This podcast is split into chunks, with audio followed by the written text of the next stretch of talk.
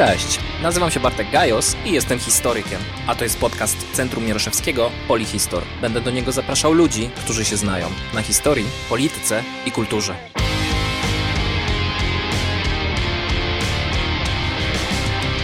A moim gościem dzisiaj jest doktor habilitowany Krzysztof Kloc z Instytutu Historii i Archiwistyki Uniwersytetu Pedagogicznego imienia Komisji Edukacji Narodowej. Dzień dobry. Dzień dobry. A będziemy rozmawiać o poddanym rosyjskiego cara, który tak się złożyło, że został przywódcą pewnego środkowoeuropejskiego państwa i e, który miał bardzo silne relacje z Rosją i Rosjanami i właśnie o tych relacjach będziemy, będziemy rozmawiać, bo naszym głównym bohaterem jest Józef Piłsudski i Józef Piłsudski przychodzi na świat w 1867 roku w Złowie za czasów panowania Aleksandra II. I gdybyśmy wzięli w zasadzie wszystkie biografie do ręki Piłsudskiego, które wyszły do, do naszych czasów, to w zasadzie chyba wszyscy biografiści zgadzają się w tym, że ogromną rolę w kształtowaniu wizerunku Rosji, myślenia o Rosji dla samego Piłsudskiego jest pamięć o powstaniu 1863 roku, która miała być obecna w jego domu. Ale co to konkretnie znaczy i, i, i czy mógłby Pan nam coś więcej na ten temat powiedzieć? Tak, tutaj zgoda, że wszyscy biografowie Piłsudskiego podkreślają bardzo ważną, szalenie istotną rolę jaką jest y, klęska powstania styczniowego e, i represje, które spotkały szczególnie Litwę po upadku e, zrywu 1863-1864 roku w życiu Piłsudskiego. I rzeczywiście rola matki, która jest również tutaj podnoszona, jest tą rolą, wydaje się, że decydującą w tym pierwszym okresie kształtowania się myśli Piłsudskiego wobec Rosji, wobec tego, czym jest Rosja. Ale w kontekście powstania styczniowego jeszcze bardzo ważnym czynnikiem w jego biografii była późniejsza zsyłka e, na Syberię i poznanie tam Bronisława Szwarcego, czyli osobę, która miała wejść w skład rządu narodowego powstania styczniowego, ale nie weszła do tego rządu, bo została wcześniej aresztowana przez Moskali i zesłana na Syberię. E, I właśnie późniejsze lekcje, które od Szwarcego otrzymywał Piłsudski na Syberii, e, wydaje się, że bardzo pogłębiły jego pewną świadomość tego, czym było powstanie styczniowe i czym powinno być przyszłe powstanie, bo z Syberii Piłsudski przywozi takie dwa główne elementy swojego programu, które będą charakteryzowały jego poczynania właściwie do końca życia. To jest rząd i wojsko.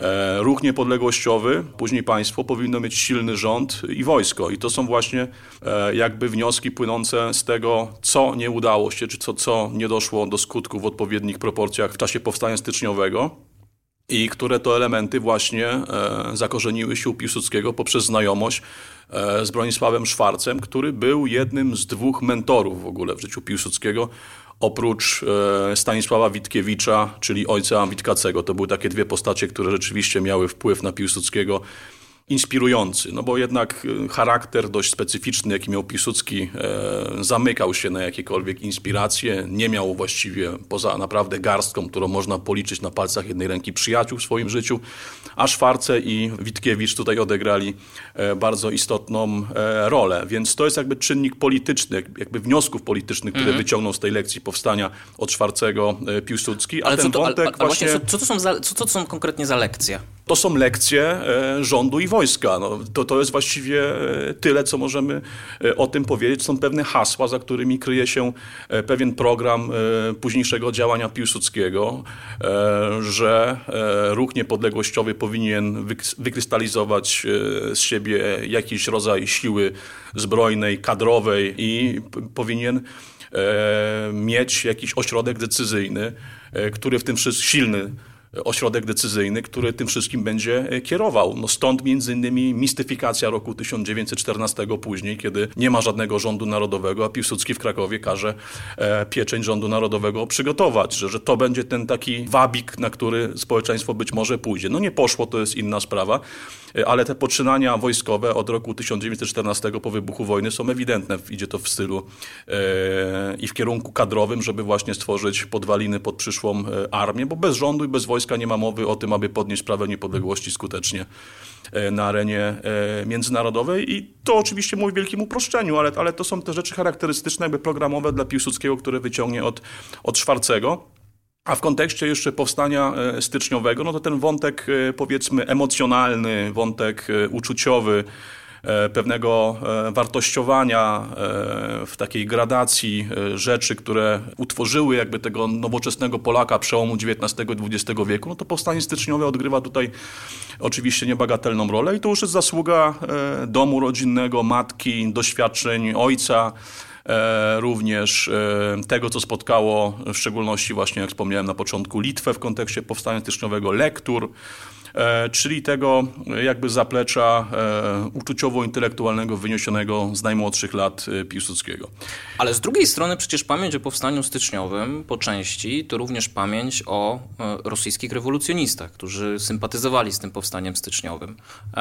Z jednej strony mamy na przykład Aleksandra Hercena, piszącego teksty na emigracji, który oczywiście nie jest w Rosji kompletnie słyszany, to znaczy to jest kompletny margines i on jest do dzisiaj nierozumiany, zostanie dopiero podniesiony przez bolszewików bolszewików, ale to też zostanie mocno spreparowane. Mamy też Andrija Potiebnie, e, Ukraińca, jak, jak jest napisane na jego e, nagrobku e, z okolic, gdzie, gdzie, gdzie jest pochowany, z okolic, z których my obaj przecież pochodzimy, bo pan jest z Krakowa, jestem z Wolbromia, tu niedaleko Jury Krakowsko-Częstochowskiej.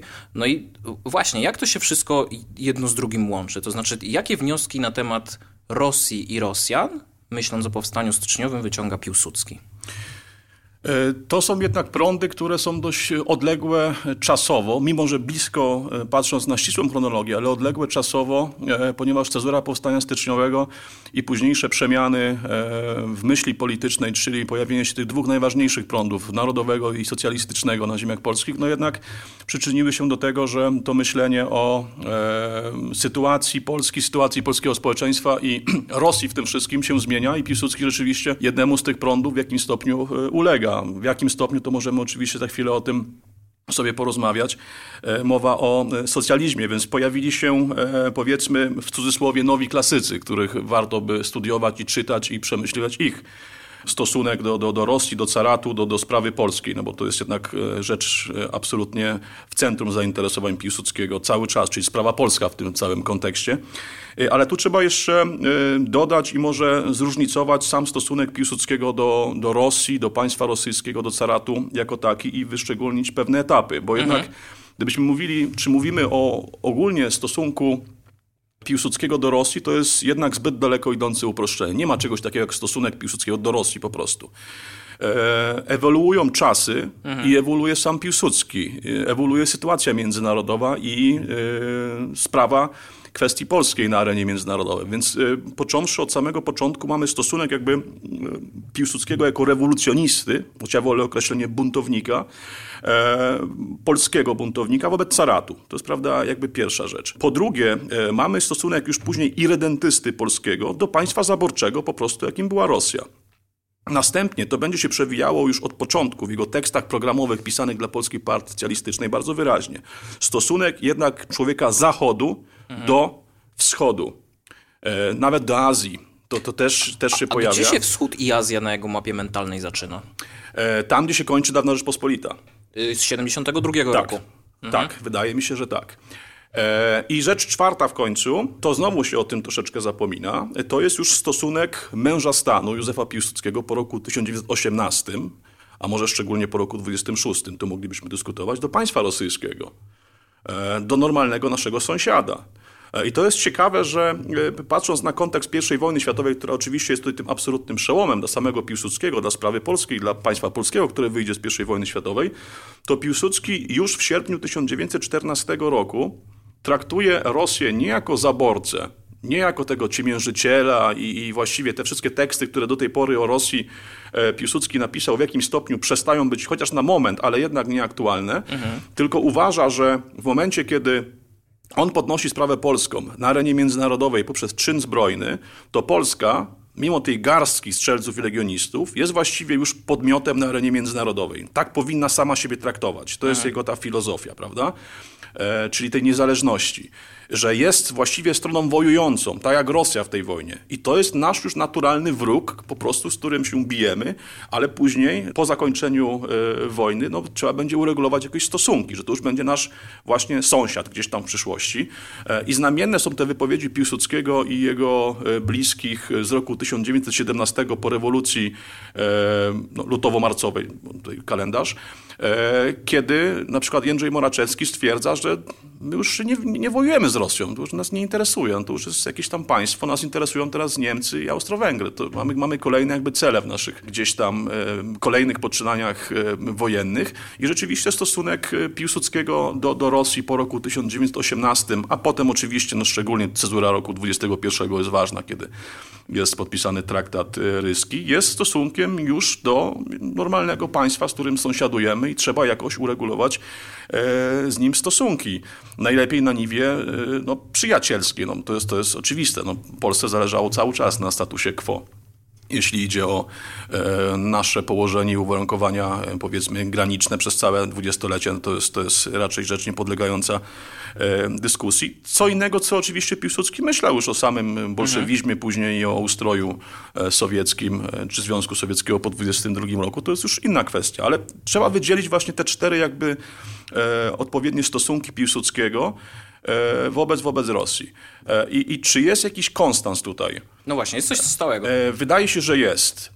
To ja panu, przepraszam, wejdę w słowo mm -hmm. i zacytuję jedną rzecz, którą znalazłem, bo, bo, bo, bo te różne cytaty Piłsudskiego o Rosji krążą i są dość popularne. On po latach wspominał, cytuję, postanowiłem, że jeśli w wieku 15 lat będę jeszcze żył, to poprowadzą powstanie i wyrzucą Moskali.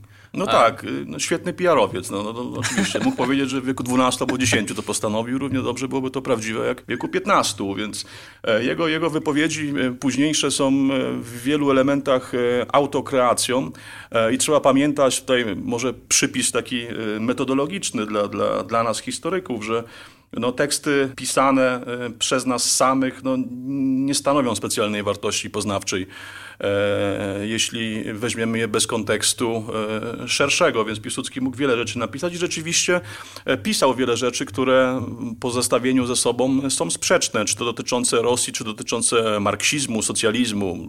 Raz był socjalistą, raz nie był. Więc, więc na to trzeba uważać i każdą wypowiedź Piłsudskiego po prostu analizować pod kątem czasu i miejsca, kiedy ona padła. E, więc jaki, jaki był konstans? Było, no ich, było ich kilka. E, wydaje się, że tutaj znowu przyczynek. E, tylko dam przykład właśnie tych sprzeczności, tego jak można interpretować Piłsudskiego, jego poczynania, jego myśl w dzisiaj nas interesującym kontekście, czyli rosyjskim. Mhm. No na przykład Władysław, Włodzimierz Bączkowski, przepraszam, znany sowietolog, niedawno zostały wznowione jego, jego pisma w kilku tomach przez Ośrodek Myśli Politycznej w Krakowie napisał e, po śmierci Piłsudskiego, że Piłsudski był jednym z najważniejszych w historii w ogóle, nie tylko historii Polski, wrogów Rosji. Mhm. No okej, okay, powiedzmy, że przyjmujemy to. Z kolei e, Dmitrij Mereszkowski, znany e, rosyjski filozof, pisarz, krytyk literacki, e, zostawił po sobie taką książeczkę o Piłsudskim, wydaną w roku 1920, przetłumaczoną na wiele języków, e, to ciekawe, nawet na włoski. E, gdzie dzieli się swoimi wrażeniami z wizyt w Belwederze i rozmów z Piłsudskim a propos koncepcji III Rosji, Sawinkowa i tak dalej, i tak dalej, gdzie stwierdza kategorycznie, że Piłsudski nigdy nie był wrogiem Rosji. No i co mamy z tym zrobić, prawda? No, a tutaj się powołuje Mereszkowski na bezpośrednie rozmowy z Piłsudskim. E, więc to tylko gwoli jakby pokazania właśnie tych pewnych sprzeczności. Wydaje mi się, że trafnie e, ten konstans ujął e, Michał Sokolnicki, e, swego czasu bliski współpracownik Piłsudskiego, a później jego podkomendny, że rzeczą charakterystyczną w stosunku Piłsudskiego do każdej Rosji było podejście do rosyjskości jako takiej, którą gardził.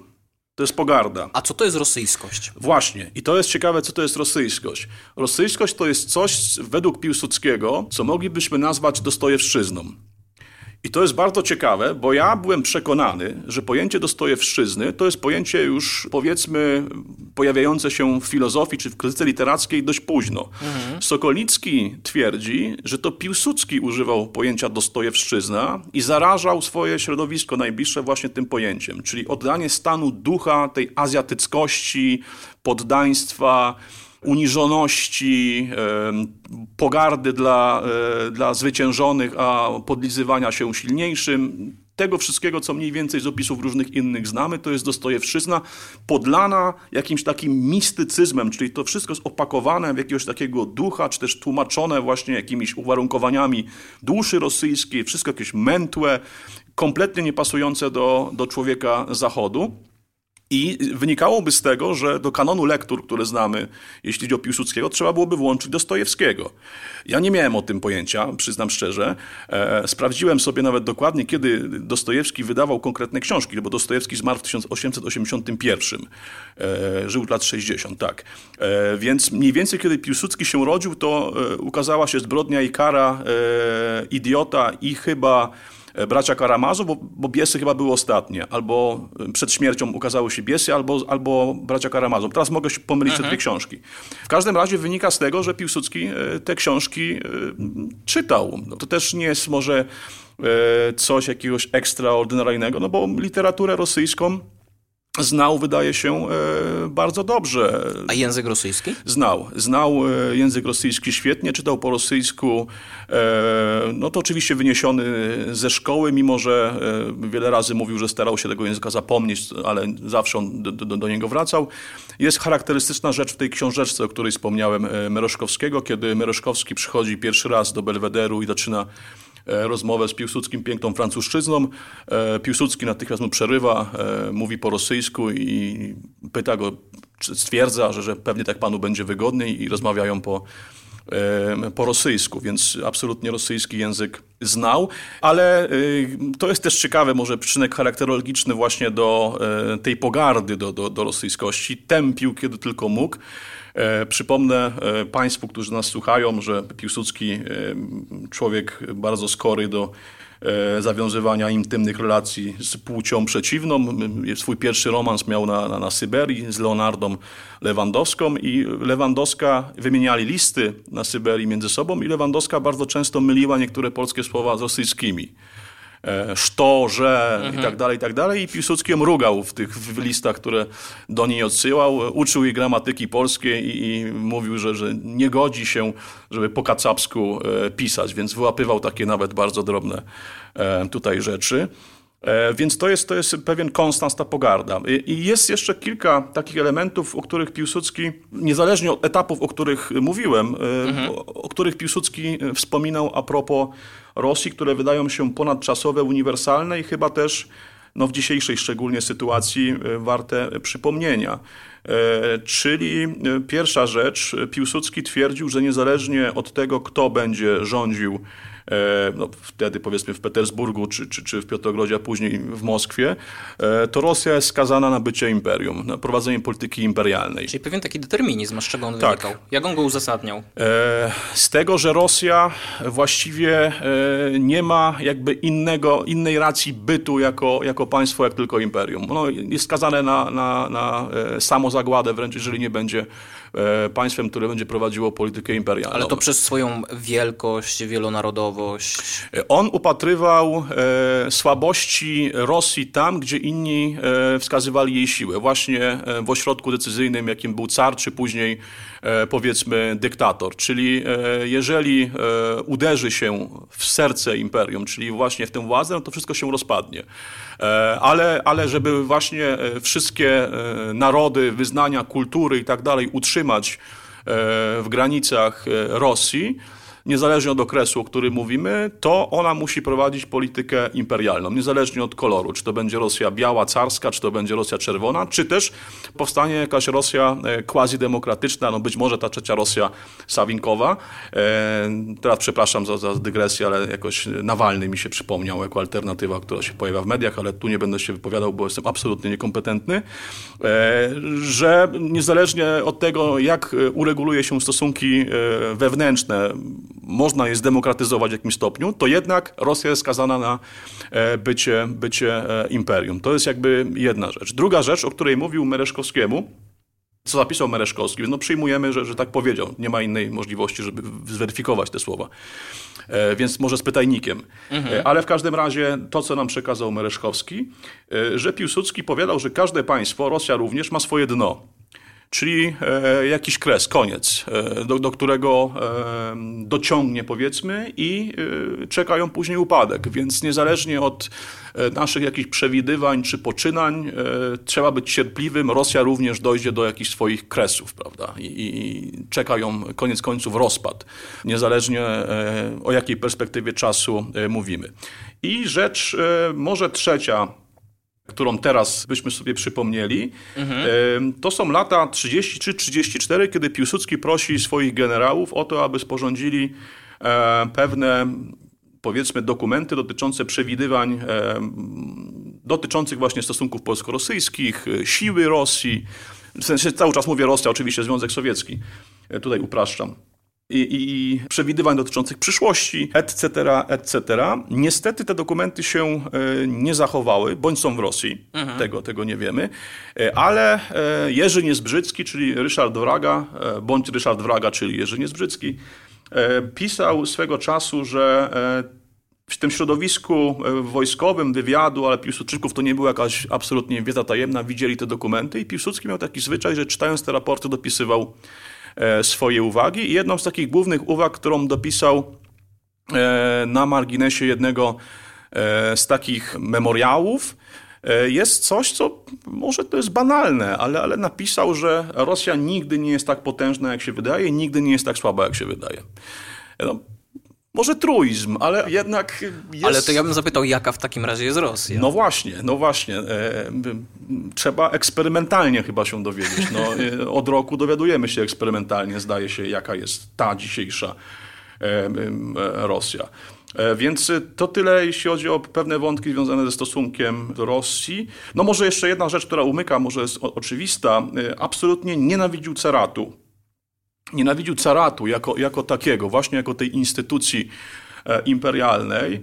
I kiedy pojawiają się lata 19-20, czyli e, no, okropnie przedyskutowane już w naszej historiografii i w ostatnim czasie w publicystyce, czyli Piłsudski jako ten, który ratuje czerwoną Rosję, mamy sporo dokumentów, sporo relacji, e, no ale niech będzie ten Mereszkowski jeszcze raz, jako Rosjanin, w rozmowie z Piłsudskim. Piłsudski mówi, że absolutnie nie ma alternatywy. Jest albo czerwona Rosja, albo reakcja, albo, albo Rosja nowa, albo stara. No tam Mereszkowski próbuje dyskutować, że jest Rosja trzecia, no to Piłsudski mu odpowiada, to proszę mi wskazać tę Rosję, na co Mereszkowski milknie. No rzeczywiście trudno ją wskazać. To jest tylko jakby w sferze jakichś marzeń i domysłów z tym Stawinkowem na czele. E, I Piłsudski powiada, że nigdy nie poprze reakcji. No oczywiście, że naturalnym wyborem będą czerwoni, jeśli ma na kogoś stawiać. No nie może poprzeć reakcji. E, caratu. No to jest dla niego e, jakby e, urzeczywistnienie najgorszych koszmarów, które, które symbolizują nie tylko przecież politykę ostatnich lat, ale w ogóle cały proces zniewolenia, rozebrania najpierw Rzeczypospolitej, później zniewolenia i całej polityki imperialnej w XIX wieku. To jest, to jest carat. I tutaj bym odróżniał również to, co Niektórzy podkreślają, chociaż zdaje się chyba zbyt rzadko moim zdaniem, mianowicie, że e, w całym tym e, wspólnym jarzmie, jak brzmi e, broszura Lona Wasilewskiego, którą napisał również Piłsudski, czy był współautorem, Piłsudski umieszczał również naród rosyjski. A to jest ciekawe. Tak, naród jak, rosyjski. Jak, jak on to uzasadniał? E, no, zniewoleniem poprzez, poprzez carat i nieuświadomieniem własnego położenia, e, zarówno wśród, wśród chłopów, to już absolutnie, e, jak i robotników także. Wyszczególniał cztery właściwie klasy, które, które są w społeczeństwie rosyjskim, czyli szlachta, burżuazja, robotnicy i, i chłopi i powiedzmy, że ten, ten naród jako nie abstrakcję i tu właśnie był daleki od, od marksistów i naszych rodzimych i, i później rosyjskich, nie uważał narodu jako abstrakcji uważał właśnie, że, że e, naród rosyjski jako nieuświadomiony jest ten, który, który jest absolutnie wyzyskiwany przez klasę e, tę najwyższą, czyli garstkę jakiejś arystokracji szlachty, no i cara na samym czele.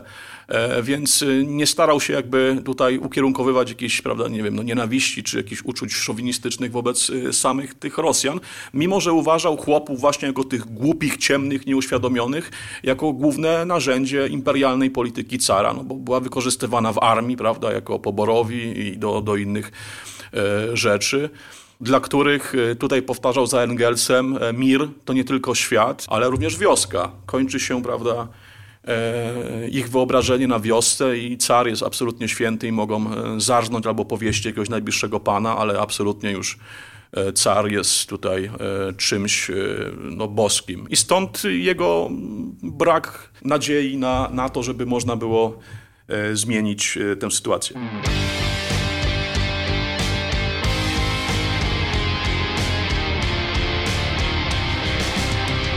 Ale paradoksalnie y, to przekonanie Piłsudskiego, że również Rosjanie, naród rosyjski jako taki jest y, ciemiężony przez carat, przez arystokrację rosyjską, byłoby czymś, co łączyło go w przekonaniu z rosyjskimi socjalistami, niezależnie e, jakiego koloru. Czy to będą internacjonaliści, czy to będą e, e, rosyjscy socjaliści bliżsi powiedzmy tej idei narodowej, czy jakoś ją bardziej akceptujący. Ale właśnie w pierwszej części pan wspomniał o, o tym socjalizmie i o ruchu narodowym, to znaczy jako takim, takim dwóm drogom, dwóm ideom, które dominują w polskiej przestrzeni intelektualnej, zdobywają tę popularność. No i jednym z najbardziej znanych tekstów Piłsudskiego, który na pewno jest wybity w Muzeum Piłsudskiego w Sulejówku, bo, bo widziałem na zdjęciach, jest Jak stałem się socjalistą. I tam jest taki bardzo charakterystyczny fragment, który chciałbym, e, chciałbym zacytować. Proletariat, który wówczas działał w Warszawie, o tyle był słabym, że wpływy jego prawie wcale nie dochodziły do Wilna.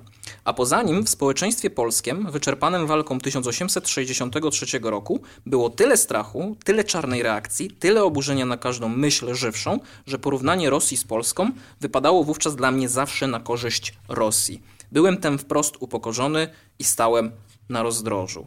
I ja się zacząłem tak zastanawiać, czy było coś takiego, jakaś taka myśl, czy taki moment w, w życiu Piłsudskiego, w którym on mógł pójść E, no właśnie tą drogą myślenia bardziej internacjonalistycznego, że Polska to jest jednak częścią szerszego ruchu klasowego, e, no taką drogą, którą część polskich e, marksistów poszło i potem współpracowało z bolszewikami, tak? Symbolem jest tego Felix Dzierżyński. Czy w ogóle gdzieś można znaleźć taki ślad myślenia Piłsudskiego, czy on był absolutnie trwały w tym swoim przekonaniu?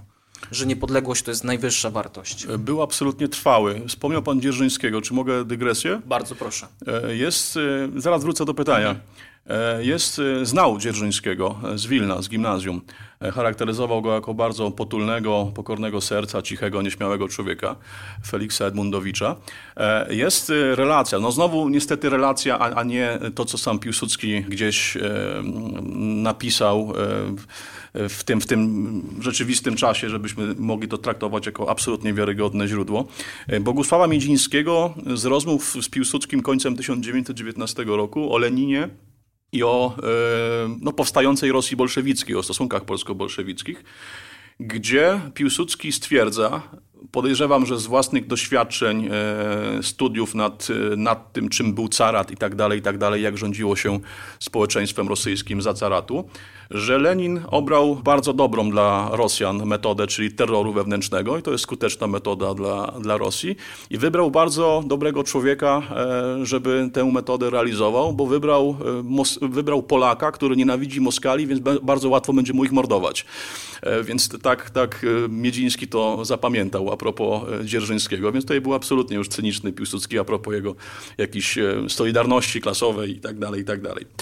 Ale wracając do, do pańskiego pytania, nie, absolutnie internacjonalizm był mu od samego początku obcy, odkąd tylko wstąpił w szeregi Polskiej Partii Socjalistycznej po powrocie z, z Syberii i mamy na to dowody, to już nie są domniemania. No, pierwsze teksty programowe, które Piłsudski pisze zaraz po tym, jak wstępuje e, do partii, e, co też w moim przekonaniu, tutaj zgadzam się z jednym z biografów Piłsudskiego, profesorem Włodzimierzem Suleją, świadczy o tym, że dużo naprawdę spraw przemyślał na Syberii Piłsudski, bo to jest, nie jest możliwe, żeby e, jakiś nieopierzony młokos wrócił z Syberii i nagle pisze takie teksty programowe, które są właściwie dopełnieniem programu paryskiego Polskiej Partii Socjalistycznej, tego niepodległościowego. Są bardzo, ale to bardzo zaawansowane, przemyślane i tak dalej, i tak dalej. To już jest rok 1893-4, mhm. czyli od razu właściwie on przyjeżdża, wstępuje do partii i, i siada do pisania artykułów programowych, między innymi o towarzyszach Żydach, o towarzyszach e, właśnie e, Rosjanach, jeśli idzie o ruch e, rewolucyjny i tak dalej, i tak dalej.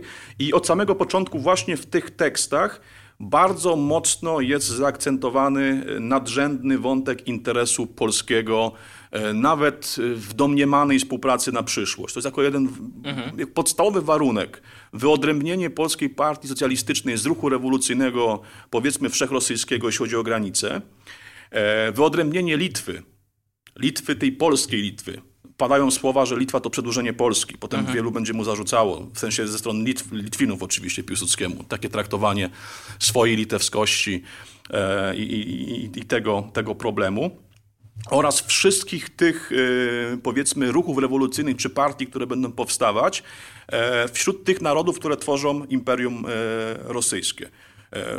Tu mowa od, od Finów, powiedzmy, po Mołdawię, po, po Kaukaz i tak dalej, że każdy ma prawo do tego, aby w jakim stopniu samostanowić o sobie, jeśli idzie o wyłonienie własnej partii i prowadzenie własnego interesu partyjnego, socjalistycznego na, na tym terenie. E, I tu jest właśnie obwarowane to wieloma takimi warunkami, które dopiero po ich spełnieniu można byłoby mówić o współpracy z ruchem rewolucyjnym rosyjskim. Jakie to warunki? Już mówię, jakie to warunki, bo chciałbym jeszcze zaznaczyć, że kiedy to Piłsudski pisze lata 93-94, to on bardzo krytycznie ocenia możliwości ruchu rewolucyjnego rosyjskiego. Tam nie ma jeszcze partii. Tam są kółka cały czas na wzór powiedzmy jakichś kółek naszego Waryńskiego i pojawiają się jakiegoś drugiego proletariatu. To jeszcze nie jest e, manifest Struwego, Lenin i te sprawy. No i jeszcze nie było wielkich protestów, które e, się W Petersburgu, tak, tak w 90, 96, 96 roku. Tak. tak. To trzeba e, wspomnieć, ale jakie są warunki? Po pierwsze właśnie samodzielność, po drugie e, niewtrącanie się w ogóle w politykę, w naszym przypadku Polskiej Partii Socjalistycznej, ze strony ruchu rewolucyjnego rosyjskiego, czy też partii, która się tam wyłoni. To są nasze sprawy na naszym terenie, mhm. dawnej Rzeczypospolitej cały czas e, przypominam. Niewtrącanie się e, w to, jeżeli właśnie powiedzmy Rusini, Litwini, Łotysze budowaliby własne partie i chcieliby prowadzić politykę rewolucją socjalistyczną, to są ich sprawy i jakiekolwiek porozumienie, jakiekolwiek wejście, powiedzmy, e, socjalistów, rewolucjonistów rosyjskich na ten teren powinno być uzgodnione e, i doczekać się zgody ze strony Polskiej Partii Socjalistycznej. Czyli no, nie chcę aż, aż tutaj może przesadzać, ale mamy lata 90. XIX wieku e, i wyłania się nam to, co w roku 1920 przyjmie postać e, tak zwanego programu federacyjnego. Tutaj nie chcę wchodzić e, w jakieś szczegóły, bo to, czy była koncepcja federacji, czy nie, to zupełnie inna sprawa, no ale mhm. uprościmy to. Więc to jest też dowód na to, że e, u Piłsudskiego było to cały czas to, co później na, na nazwano od, od powiedzmy okresu wojny japońsko-rosyjskiej i rewolucji próbą rozerwania po szwach e, narodowościowych imperium e, rosyjskiego. E, i co się często, czy coraz częściej przypisuje e, koncepcyjnie Leonowi Wasilewskiemu, prawda? E, jednak nie, to było cały czas u Piłsudskiego. I to są, przypomnę, teksty programowe, które są drukowane albo w Robotniku, albo w Przedświcie, albo w Jednodniówkach, które były później kolportowane wśród robotników, ale również wśród socjalistów z innych, e, z innych krajów, żeby przedstawić polski punkt widzenia. E, I tu jest cały czas od samego początku absolutnie non possumus na jakiekolwiek, e, jakąkolwiek ingerencję ruchu, a później partii socjalistycznej na terenach dawnej Rzeczypospolitej. Oczywiście to się bardzo szybko zmieni, bo za, za parę lat już powstanie Socjaldemokratyczna Partia Robotników Rosji która to niezależnie od skrzydła, jakie się wyłoni, czy to będzie Juri Martow, czy to będzie Lenin, twierdzi, że to jest e, inaczej, już w samej nazwie mamy, że to jest partia e, rosyjska, a nie, a nie, tak. a nie ruska, prawda? Tak, Więc tak, tak, tak, jako tak, państwo, a nie, a nie... Tak. Nie jako naród etniczny. A nie jako naród etniczny, tak jest. E, więc y, swym zasięgiem chcą objąć całe, całe imperium, niezależnie, powtarzam, od, od tego, czy to będą mniejszewicy za chwilę, czy bolszewicy, na co Piłsudski się absolutnie nie zgodzi i to jest koniec jakiejkolwiek myśli w ogóle o tym, że może dojść do e, współpracy e, na niwie politycznej. Abstrahuje od jakichś kwestii stricte teoretycznych związanych z marksizmem czy, czy socjalizmem. Do tej pory oczywiście w jakichś tam drobnych sprawach ta współpraca była i Piłsudski ją podkreślał. To też nie ma co, co e, tego e, ani ukrywać, ani krytykować. E, pomaganie w szmuglowaniu bibuły na przykład, absolutnie świetna drukarnia londyńska Polskiej Partii Socjalistycznej, która drukowała materiały dla kacapów, jak nazywał w listach bardzo często Rosjan. Piłsudski, no to też ten język dużo mówi o jego stosunku, wydaje się, do, do towarzyszy ze wschodu. E, nazwisko dzisiaj znane w bardzo dzisiejszym, e, niedobrym kontekście, czyli Ławrow, czyli Piotr Ławrow ten, który, e, jeżeli dobrze pamiętam, może pan mnie poprawi, wymyślił tekst Marsylianki robotniczej. Więc na przykład potem był taką ikoniczną postacią dla ruchu rewolucyjnego rosyjskiego, więc na przykład PPS drukowała jego portrety w Londynie, zarabiając na tym i wysyłając na, na wschód. No, takie powiedzmy jakieś elementy hołdu czy czczenia tej, tej postaci tam się pojawiały. E, ale żeby nie zanudzać może tym, tym wątkiem e, współpracy, której koniec końców no, no, no nie było. I, dopowiem, że jeszcze w roku 1913 kiedy Piłsudski już właściwie się gotował do wojny, tu mamy okres wojen bałkańskich, no, Europa drży w posadach, jeszcze rewolucjoniści rosyjscy, eserowcy z Londynu zwracali się do Piłsudskiego już jako człowieka w mundurze przecież i redentystę, komendanta Głównego Związku Strzeleckich, czy mogą mu przysyłać do Krakowa osoby do przeszkolenia. E, I e, tam kilku towarzyszy, byłych wojskowych, może jakaś współpraca. To jest wiosna 1913 roku i Piłsudski w taki bardzo oględny sposób odpowiada, że no wiecie, rozumiecie, no to język, języka nie znają, tutaj przeszkolenie trwa kilka lat, co było kompletną bzdurą, przecież niektórzy strzelcy po kilku tygodniach już później szli na front, więc to absolutne kłamstwo. E, no nie za bardzo się palił do tego, aby, aby tutaj przyjeżdżali i ta korespondencja się urywa e, i raczej przed 1914 rokiem e, nikt do Krakowa ani do Lwowa z Rosjan, rewolucjonistów, esterowców nie, nie, nie przybywał. Więc ten stosunek do, do towarzyszy E, ze wschodu został e, w sposób programowy, tak jak mówię, e, ujęty przez Piłsudskiego w kilku tekstach. No i tutaj ten najważniejszy tekst, oprócz jego stosunków, czy cały czas, przepraszam, bo, bo upraszczam, mówię o Piłsudski, Piłsudski, a tu mówimy jednak o Polskiej Partii Socjalistycznej. Tak. Ale z kolei pojawia się pytanie, dlaczego za nim szła, prawda? Gdyby, gdyby nie, chcia, nie chciała, to by nie szła za, za, za tym, co on e, powiadał jako jeden z jej liderów, to jeszcze może podkreślę dla bezpieczeństwa, a nie tylko jeden absolutny lider, e, to oprócz tych tekstów stricte dotyczących współpracy był taki tekst programowy, który później e, Jerzy Niezbrzycki na łamach kultury Giedroycia uznał za tekst uniwersalny i ponadczasowy. Nosił on banalny tytuł Rosja po prostu. E, gdzie Piłsudski charakteryzował e, właśnie stosunki wewnątrzrosyjskie, wydzielając i charakteryzując, analizując cztery te główne klasy, od chłopów zaczynając przez robotników, burżuazję i arystokrację, kończąc konkluzją, że na szczęście, na szczęście jakby dla sprawy rewolucyjnej w Imperium Rosyjskim, Oprócz tych czterech klas, które są absolutnie, powiedzmy, upośledzone i niezdolne do tego jeszcze na ten moment, żeby dokonać jakiegoś przewrotu, i tutaj najbardziej utyskiwał oczywiście na robotników, którzy są jeszcze nieuświadomieni, że to właściwie e, chłopi przebrani za robotników i tak dalej, i tak dalej. E, na szczęście są e, narodowości inne w Imperium Rosyjskim na czele z Polakami, którzy tę sprawę mogą na tę chwilę poprowadzić i ruch rewolucyjny rosyjski powinien się podporządkować w domyśle Polskiej Partii Socjalistycznej i to jest zbieżne z tym, co znamy z innych wielu źródeł, kiedy Piłsudski, ale również grupa właśnie z nim związana, to powtarza, że cytat Polska, czyli Polska Partia Socjalistyczna powinna być gospodarzem w państwie cara.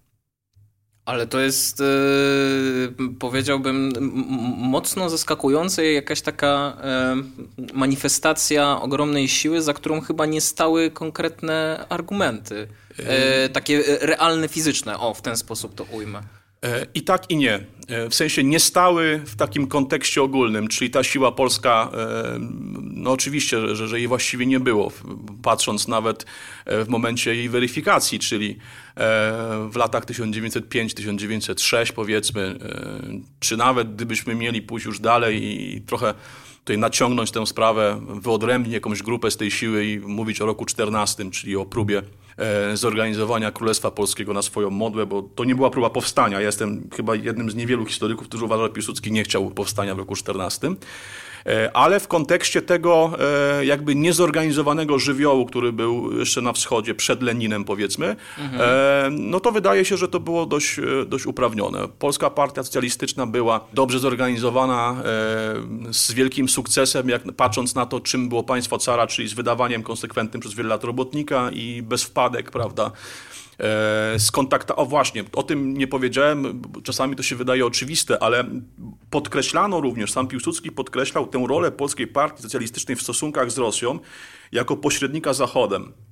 O, to jest bardzo trwała myśl w Polsce tak, w ogóle. Piłsudski czy PPS czuła się partią na zachodnią modłę. Bliżej mu w ogóle było do pewnego momentu, patrząc na, na kwestie związane z socjalizmem w jego życiu, Właśnie między innymi dlatego, że nie doceniał y, tego, co dzieje się na wschodzie, e, tych ruchów, ale również, że e, po prostu jakby no, będąc człowiekiem zachodu, światopoglądowo, patrząc na polską historię, tradycje, uwarunkowania historyczne właśnie do, do, do zachodnioeuropejskich partii, do, do, do Niemiec, do, do Francji, Anglii nawet.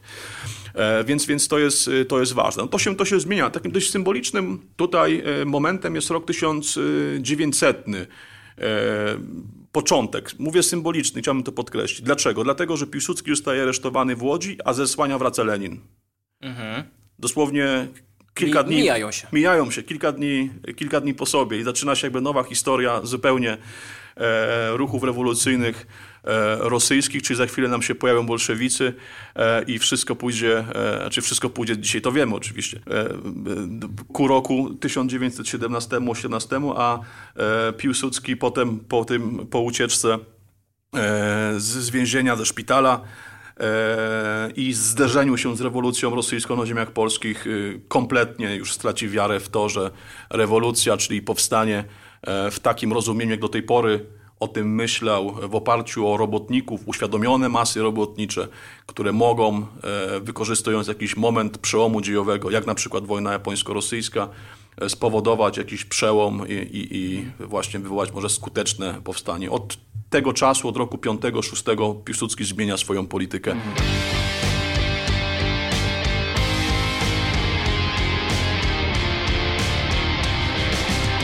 Kiedy pan powiedział o tym, że Piłsudski widział Polską Partię Socjalistyczną troszkę jak takiego pośrednika między Zachodem e, a, a, a, a samą Rosją, to mnie się oczywiście powiedziałem, że to jest bardzo polskie, bo w tym sensie, że, że przypomniała mi się książka profesora Jarosława Czubatego, e, o której pisał e, reakcji polskich na rozbiory polskie.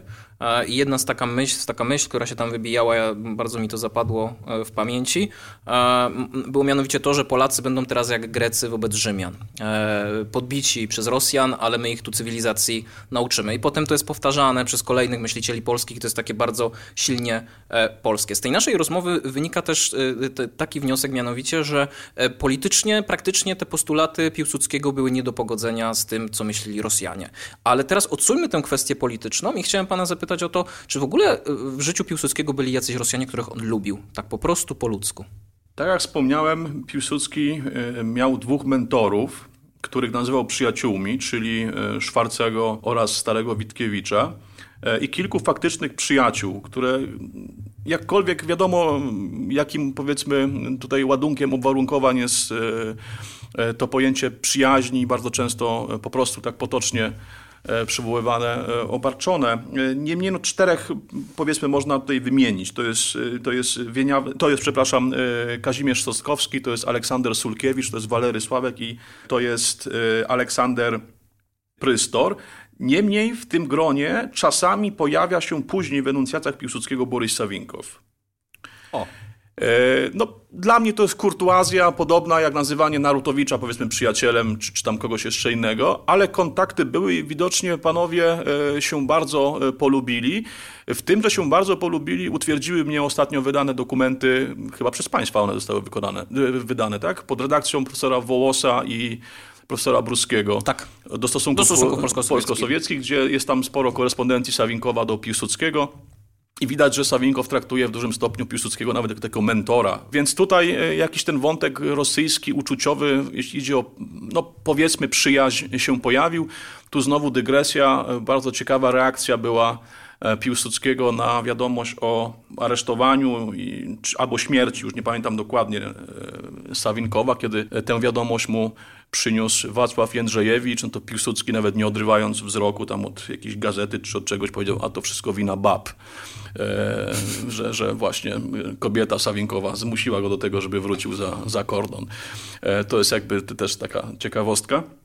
E, ale ten wątek Sawinkowa bardzo często dyskutowany pod kątem politycznym, to oczywiście to znamy. No tutaj trzeba hołd oddać panu profesorowi Nowakowi za jego książkę Polska i Trzy Rosje, która cały czas jest tym takim jakby wzorcowym e, przedstawieniem e, tych wszystkich koncepcji e, tak zwanej trzeciej Rosji, czyli postawienia na jakąś tą próby postawienia na tę alternatywę wątku ukraińskiego i tak dalej, to z mniej znanych rzeczy ciekawe jest to środowisko, które przybyło wraz z Sawinkowem i mhm. zainstalowało się w Warszawie. No bo to jest to byłe towarzystwo filozoficzno-religijne, jeśli mnie pamięć nie myli, tak. czyli to jest właśnie Mereszkowski, Gipius. To jest tak, Zinaida, Gipius, no i, i mój ulubiony, moja ulubiona postać, czyli filozofow, który zakłada tak zwany domek na Kołymie e, pod Warszawą, gdzie spotykają się polscy liberalni, lewicowi, intelektualiści w latach 30., e, głównie powiedzmy Józefem Czapskim na czele, który niesłychanie przesiąkł e, filozofowem, uważał go za takiego właściwie mentora, ojca chrzestnego swoich pewnych koncepcji, przemyśleń dotyczących kultury, sztuki, literatury, polityki, historii. Był bardzo blisko związany z filozofowem. To jest właśnie ta, ta opcja, która gdzieś tutaj się pojawia, oczywiście jak wiemy niezrealizowana, E, opcja, którą a propos filozofowa, e, lubię ten cytat, e, charakteryzował Wieniawa Długoszowski, który stwierdził, że filozofow to jest przyszły ambasador Rzeczypospolitej w Rosji, zarazem przyszły ambasador Rosji, nowej Rosji Rzeczypospolitej, że to jest człowiek instytucja. Więc to są, to są wątki bardzo ciekawe, ale te kontakty bezpośrednio Piłsudskiego z tą grupą urywają się gdzieś E, w roku 21, 22. No Mierzkowski wyjeżdża bardzo szybko do, do Paryża e, z, z panią Zinaidą, filozofow zostaje. E, ale no, Piłsudski już nie jest naczelnym wodzem ani naczelnikiem państwa. No, już do Sulejówka raczej nie, nie, nikt tam z nich e, nie, nie wędrował, e, co nie oznacza, że to środowisko nie pozostawało jakby w takich bliskich stosunkach z otoczeniem Piłsudskiego i też nie próbowało charakteryzować jego polityki. Mamy jakieś świadectwa dotyczące E, właśnie spraw wewnętrznych, samej biografii Piłsudskiego. I to jest bardzo ciekawe i warto to przywoływać. No, gwoli przykładu rok 1926, zamach majowy i późniejsza polityka Piłsudskiego, e, już szczególnie od początku lat 30. wobec opozycji, taka bardzo twardą ręką carską, bym powiedział. Coraz bardziej się e, rusyfikuje nam Piłsudski w latach 30. Pół żartem, pół serio oczywiście, bo nie, nie, nie widać, że się uśmiecham, ale, ale coś, coś... Uśmiecha się, coś, zapewniam Państwa. Ale coś w tym jest. Coś w tym jest. Zresztą Domowski podobnie. Na stare lata e, u obu panów ten carat wychodził, przesiągnięcie. E, to Filosofow na przykład stwierdza, że za Piłsudskim chodzą, chodzą trupy majowe, że on nie może inaczej postępować E, bo boi się, że boi się powtórki z maja, a tej powtórki z maja to już by nie przeżył, że już takiego mhm. wstrząsu, że Polak strzelał do Polaka, że są ofiary wśród żołnierzy, wśród ludności cywilnej, więc lepiej w zarodku e, opozycję mówiąc dosłownie, powsadzać do, do, do e, więzień z Brześciem na, na, na czele, niż dopuścić do takiej sytuacji, żeby wymknęło się spod kontroli i wojsko musiałoby interweniować. Właśnie te trupy majowe według filozofowa chodzą za Piłsudskim i takich relacji jest e, więcej.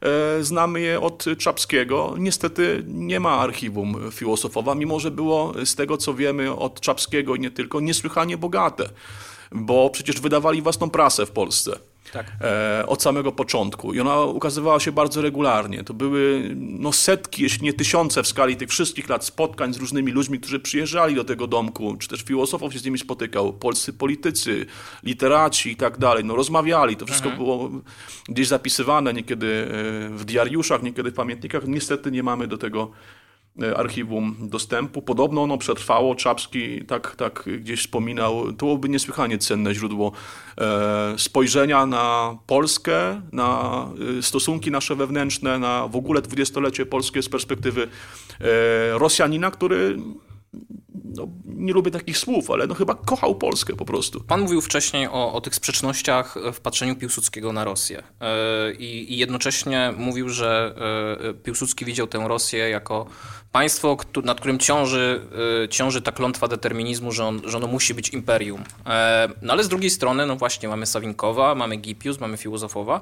E, na ile on serio traktował możliwość powstania jakiejś Rosji, którą moglibyśmy nazwać demokratyczną, no liberalną to może zbyt wielkie słowo na te czasy, e, natomiast Rosji, która nie jest powiedzmy państwem zaborczym i dopuszcza możliwość, że inne narody mogą uzyskać niepodległość, być niepodległymi państwami, których niepodległość ta Rosja będzie szanować.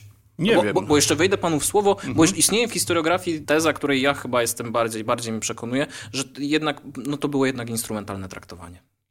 Ale kogo? Sawinkowa. Sawinkowa. E... Że to nie była wiara taka szczera, tylko to było po prostu próba popsucia szyków e, jestem, jestem bliski tej tezie i rozszerzę ją. Bardzo instrumentalnie również był traktowany Petlura na przykład. E, to nie ma mowy o jakiejś miłości do, do, do, do Ukraińców. Ukraina była miłością zastępczą. Nie udało się z Litwą, trzeba było e, zwrócić uwagę na, na kwestię ukraińską po roku 1919. Mówiąc znowu pół żartem, ale raczej bardziej serio tym razem. E, jest taki zapis rozmowy, znowu jeśli chodzi o sprzeczności, jest zapis rozmowy w dzienniku generała Antoniego Listowskiego z maja 1920 roku. Za chwilę zostanie zdobyty Kijów. I Piłsudski mówi, że nie ma żadnego jakiegoś specjalnego planu. Zobaczymy, co będzie. Może coś się uda zrobić, może Ukraińcy rzeczywiście okażą się e, zdolni do tego, aby wypracować jakąś własną formę państwowości i Petlura tutaj zda e, swój egzamin, e, ale że, tu jest cytat, że traktuje jak narzędzie e, Petlurę i że może to będzie tylko jakiś element, powiedzmy, chwilowego oddechu dla Polski przed rozprawą dalszą z Rosją, co oczywiście przyczyni się do tego, że przez ten czas no, poprawimy swoją sytuację, wzmocnimy się i tak dalej, i tak dalej, więc to będzie czas e, cenny. I tam na wschodzie zapanuje jakiś chaos i rozgardiaż i Piłsudski mówi, a niech zapanuje jakiś tam chaos, rozgardiaż, nas to nie będzie interesowało, będą się wykrwawiać i Rosja przez wiele lat będzie zajęta właśnie kwestią Ukrainy i tak dalej, i tak dalej. Więc to jest tak, taki wątek, który właśnie tutaj e, powstaje na marginesie e, tych rozważań federacyjnych, które czasami, a chyba nawet częściej niż czasami, przedstawia nam się w sposób taki podręcznikowy, jako koncepcję, którą właściwie e, Piłsudski gdzieś spisał, prawda, krok po kroku, mhm. wszystko. No to jest, przepraszam za określenie, ale jednak bzdura, no bardzo mocne uproszczenie. E, na przykład Timothy Snyder w swojej świetnej książce o rekonstrukcji narodów, czy też Michał Rymer, legionista, który stał się później Litwinem, Litwinem czyli wybrał litewskość. Pisali o, o Piłsudskim, że w jego planach to było stworzenie e, imperium polskiego. Nie na wzór carski, czy jakiś powiedzmy rzymski, brytyjski, mhm. jakkolwiek. Wzór, inaczej, nie było wzoru dla tego imperium. Jasne. E, I że nie ma mowy o federacji, czyli o stanowieniu równych e, z równymi, że tu Warszawa miała grać decydującą rolę i te bufory miały prawda, gdzieś tam nam pomagać prowadzić jakąś politykę i dla nikogo to nie, to nie, jakby nie ulegało e, wątpliwości. Ale sam fakt tego, że Piłsudski wyruszył na Ukrainę, to się nazywa wyprawą kijowską, to jest trochę mylące, no bo Kijów sam sobie nie był celem E, to wyłuszczał jednak bardzo dokładnie i tutaj e, można chyba mu wierzyć. E, mianowicie spodziewał się, że Rosja okrzepnie.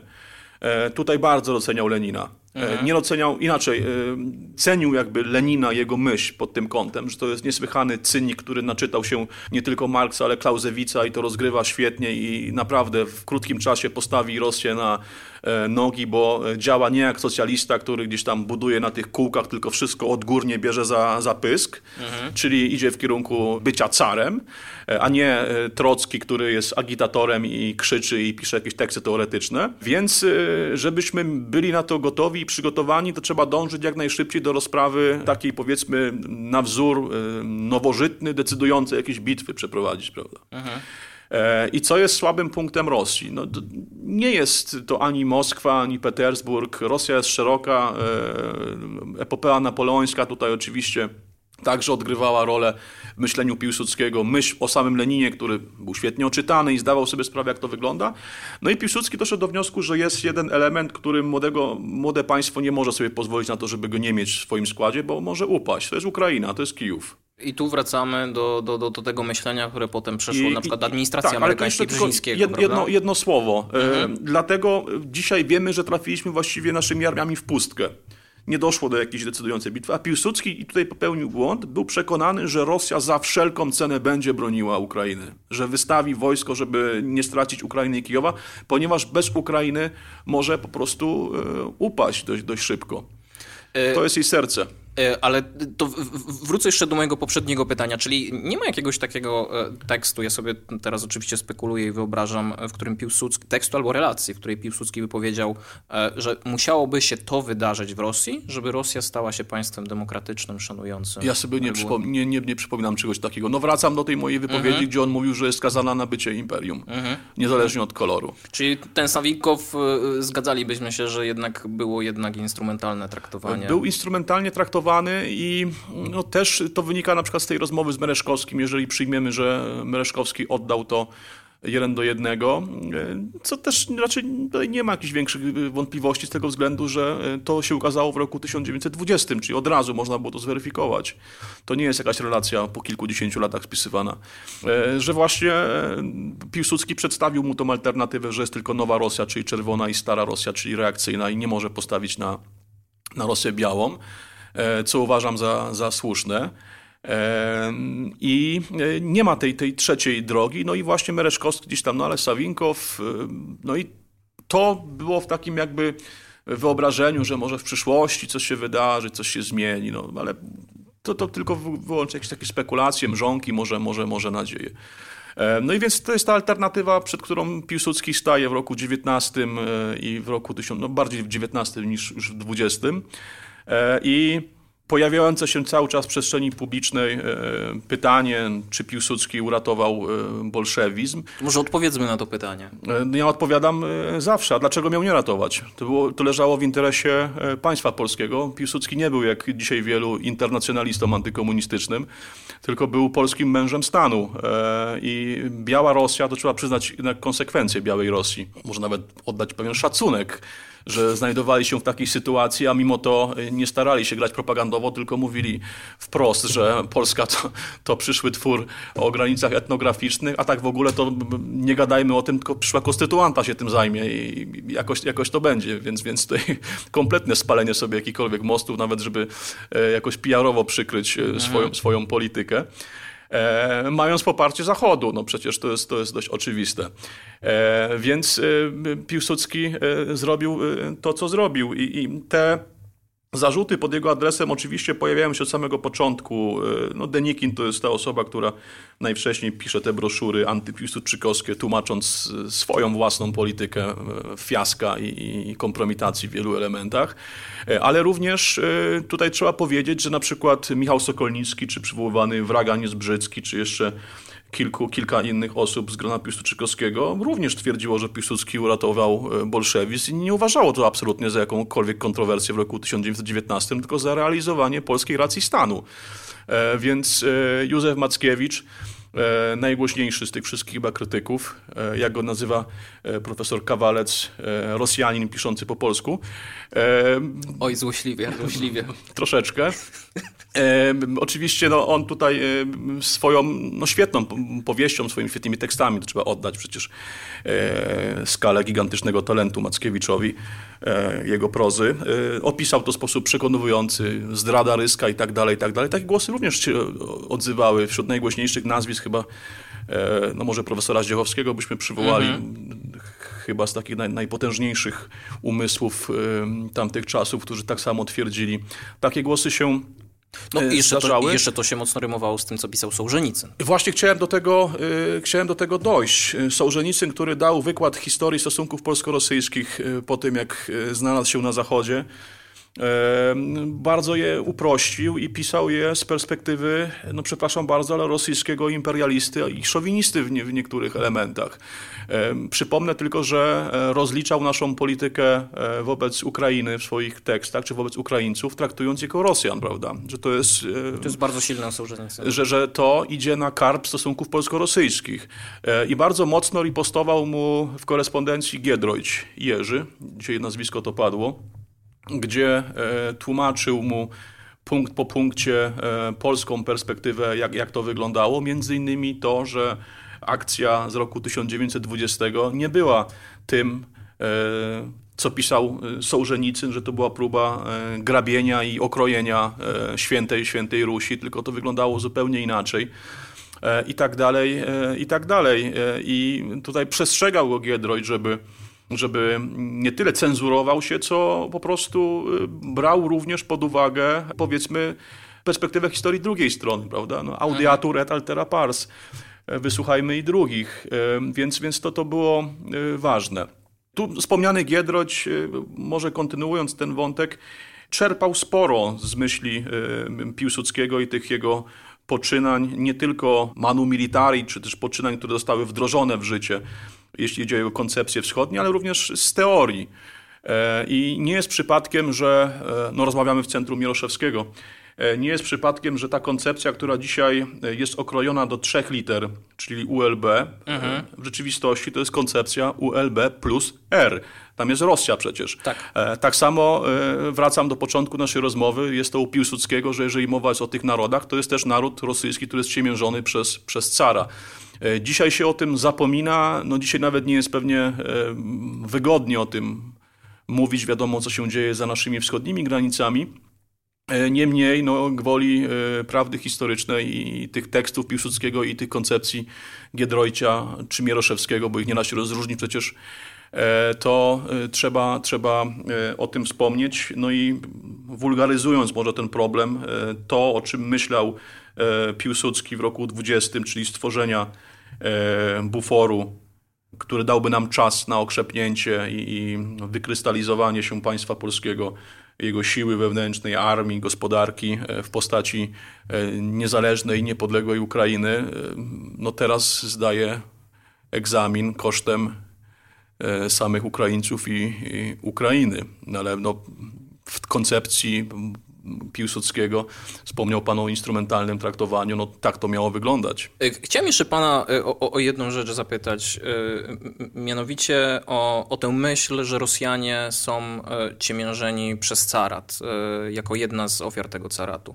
Wspomnieliśmy Sołżenicyna. U Sołżenicyna bardzo silne było to, że Rosjanie są również ciemiężeni przez bolszewików. To znaczy bolszewicy nie są emanacją narodu rosyjskiego jako takiego. Tak. Jak, jak Piłsudski patrzył na bolszewików? To była realizacja rosyjskości? Czy to było coś ciało obce, wklejone w Moskwę i w Petersburg? Nie, to była kontynuacja. To była według niego kontynuacja. No jedna po prostu z grup rosyjskich wygrała zawody o władzę i, i to jest wszystko. To absolutnie nie szedł w tym kierunku, że to jest e, coś obcego e, Rosji, że, że właśnie e, Rosja jest ciemiężona przez, przez bolszewików. No nie no, była ciemiężona tak samo jak była za cara, tylko zmienił się ośrodek decyzyjny wręcz dosłownie z, z Petersburga czy Piotrogrodu do, do Moskwy, prawda? No i, i, tyle, ale, ale to wszystko, co, co zostało pod tym, to jest, jest takie same.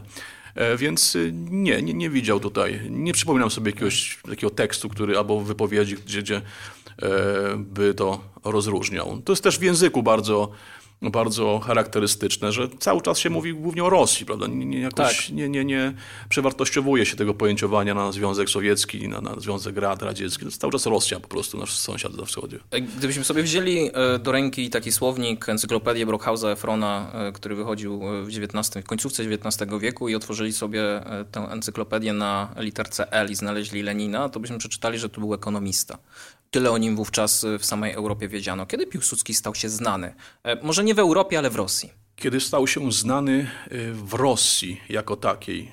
Kiedy stał się może twarzą Polski, to znaczy takim symbolem Polski, kiedy mówiono Piłsudski, myślano Polska? No to po roku 1920. To, to raczej nie ulega wątpliwości. Był znany oczywiście wcześniej e, w różnych tych grupach rewolucyjnych, no bo się znano siłą rzeczy, prawda? No, spotykano mhm. się, wymieniano się kontaktami, gdzieś, gdzieś czytywano własne pisma, ale żeby był znany właśnie jako tak symbolicznie, jako, jako ten, który stoi na czele e, Polski, no to po roku 1920, no i potem jako ten sprawca klęski się zakorzenił. No, niektórzy historycy nawet przecież e, szli z tak dalekimi supozycjami, że powiedzmy operacja antypolska roku 1937 to była jakaś zemsta Stalina za rok 20. Y, nie śledziłem tych rzeczy, no ale pamiętam szereg tekstów, że raczej to, to, to, to możemy między bajki włożyć. Nie, nie, zdecydowanie. Taką, taką argumentację. E, więc gdzieś to, gdzieś to zaważyło i do Piłsudskiego e, później e, wracano. To, to jest bardzo ciekawostka, bo dwudziestolecie między to jest oczywiste, prawda? No to jest Piłsudski, a Polska to jest pewna symbioza. Nie chcę mówić tak daleko jak Sokolnicki, że on jest Polską, jak Piłsudczycy twierdzili, ale po roku 26 no to jest twarz bez dwóch zdań państwa polskiego, ale Stalin wraca do niego w roku 1947, co jest ciekawe. Rozkazuje w całym imperium przeprowadzenie kwerendy archiwalnej, żeby znaleźć dowody na współpracę Piłsudskiego z ochraną i z E, wywiadem austriackim na przykład. No i pytanie, po co, po co to robił? 47? Nie, nie, nie, nie mam żadnej spekulacji. E, no wydaje się, że przygotowywał się, ja tak przynajmniej mam taką, taką supozycję, że przygotowywał się do złączenia czyli włączenia Polskiej Partii Socjalistycznej do PPR-u i chciał znaleźć haka na PPS, że Piłsudski i PPS współpracowali. No, być może.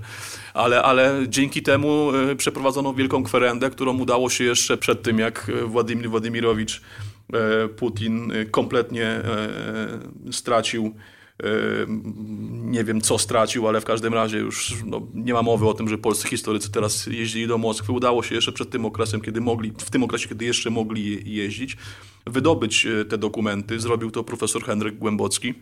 I ten rekonesans archiwalny w opracowaniu kilku historyków, między innymi moim, gdzie byłem odpowiedzialny za E, okres przed 1914 rokiem, między 8 a 14 rokiem, e, Piłsudski w dokumentach ochrany zostanie opublikowany. E, nie wiem kiedy, ale zostanie opublikowany więc będzie można się zapoznać dosłownie z tej perspektywy, jak Rosjanie jeszcze za cara widzieli Piłsudskiego. Tu mogę tylko zdradzić, że no jako jednego z głównych, może jednego z najważniejszych e, rewolucjonistów, takich zbrodniarzy, kryminalistów, mhm. poszukiwanego listem gończym i w ogóle osobę odpowiedzialną za szereg rzeczy, które mu były przypisywane, a z którymi Piłsudski nie miał e, nic, nic wspólnego, takiego złego ducha, który, który, który e, stara się cały czas szkodzić imperium. Na koniec chciałbym panu e, przeczytać e, cytat. Izwiestia powinny dać artykuł, którego istotą powinno być wyjaśnienie stanowiska Piłsudskiego, że przeniósł na nas nienawiść, w pełni zasłużoną w Polsce przez carat, ale że ZSRR teraz, jak dawniej, uznał i uznaje niepodległość Polski i że pakt o nieagresji ma dla nas wartość nienaruszalną. Tak pisał Karol Radek e, po śmierci Piłsudskiego w takim liście do, mhm. do Stalina. Jak sobie w ogóle spojrzymy na Piłsudskiego oczami bolszewików, to uważa pan, że oni go dobrze czytali? I tak i nie. Znam dokumenty, które zostały opublikowane w kontekście traktatu ryskiego. E, I na przykład w roku 2021 e, uważano, że e, jest, czy istnieje rzeczywiste zagrożenie, że Piłsudski za chwilę ponowi działania wojenne. Czytając te, te przeglądając te materiały, wydawało mi się, że po prostu no, grają tym jako blefem, prawda, żeby coś, coś próbować ugrać, ale potem wgłębiając się, wydaje mi się, że rzeczywiście nie rozumieli w ogóle polityki Piłsudskiego i że nie jest możliwe wznowienie wojny, że, że, mhm. że, że uważali to za rzeczywiste zagrożenie. Więc jak to później wyglądało na Kremlu, analizując polską politykę i do czego jest skłonny Piłsudski, nie wiem, nie znam tych, tych, tych dokumentów.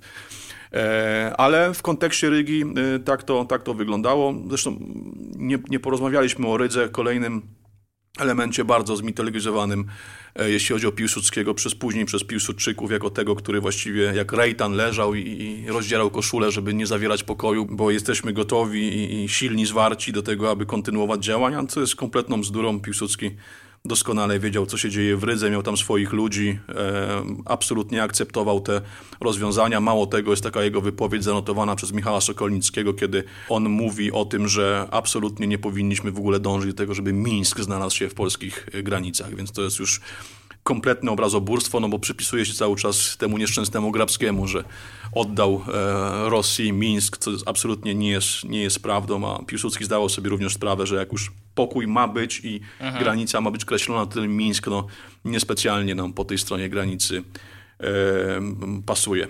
E, z tej całej rozmowy tak mi przyszło do głowy, że chyba najlepszym podsumowaniem byłoby to, że Piłsudski, e, słynny cytat, którym bardzo często posługuje się w kontekście Rosji, cytat z Fiodora Tiutczewa, Rosji rozumiem, nie zrozumiesz, uznałby za kicz e, i przejaw takiego pewnego mesjanizmu typowego dla kiczowatej Dostojewszczyzny. Nie wiem, czy by pan się z tym zgodził. Być może. Dlaczego mówię być może? Dlatego, że starał się poznać Rosję nie tylko e, przez własne doświadczenie, czyli e, po prostu przez, przez to, że urodził się na terenach Wielkiego Księstwa Litewskiego i szczególnie ten kontekst stosunków polsko-rosyjskich właśnie poprzez Litwę i tych wojen, które były toczone od samego początku, kiedy żeśmy się połączyli z Jagiellonami, był mu wyjątkowo bliski i, i to jest jakby Ktoś kiedyś napisał o tym, nie pomnę kto, więc to jest cytat nie mój na pewno, że po prostu to jest produkt historii Polski, Piłsudski. W tym, w tym kontekście jego patrzenia jako, jako Litwina na, na Rosję, ale również starał się studiować Rosję. Mhm. E, więc to nie było tylko e, przez czucie takiego romantyka, który no, był i nie był. On się uważał i za realista, i za, za romantyka, i, i wydaje się, że tutaj akurat słusznie się e, tak opisywał. A z drugiej strony, dlaczego być może, że on sam ulegał temu, temu duchowi mesjanistycznemu.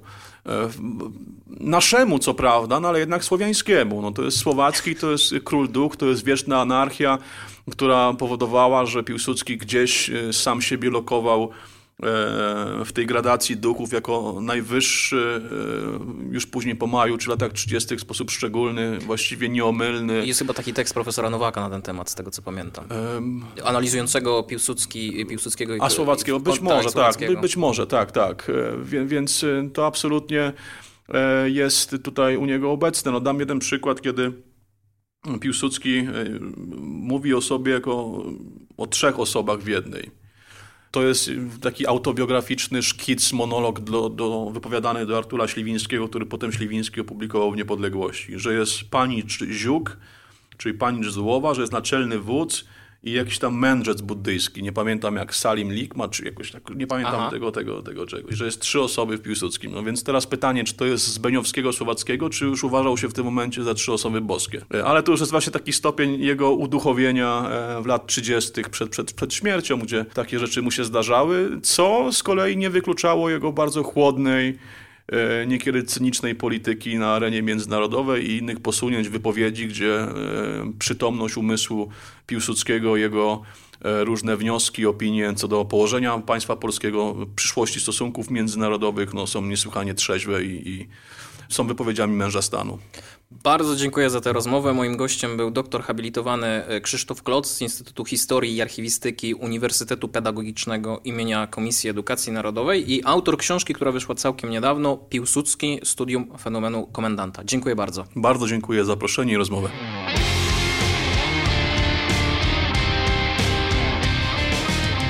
Jeśli podcast Wam się spodobał, to będę Wam bardzo wdzięczny za zostawienie oceny. Zalajkujcie też Centrum Mieroszewskiego w mediach społecznościowych, żeby móc śledzić nasze działania. Do usłyszenia.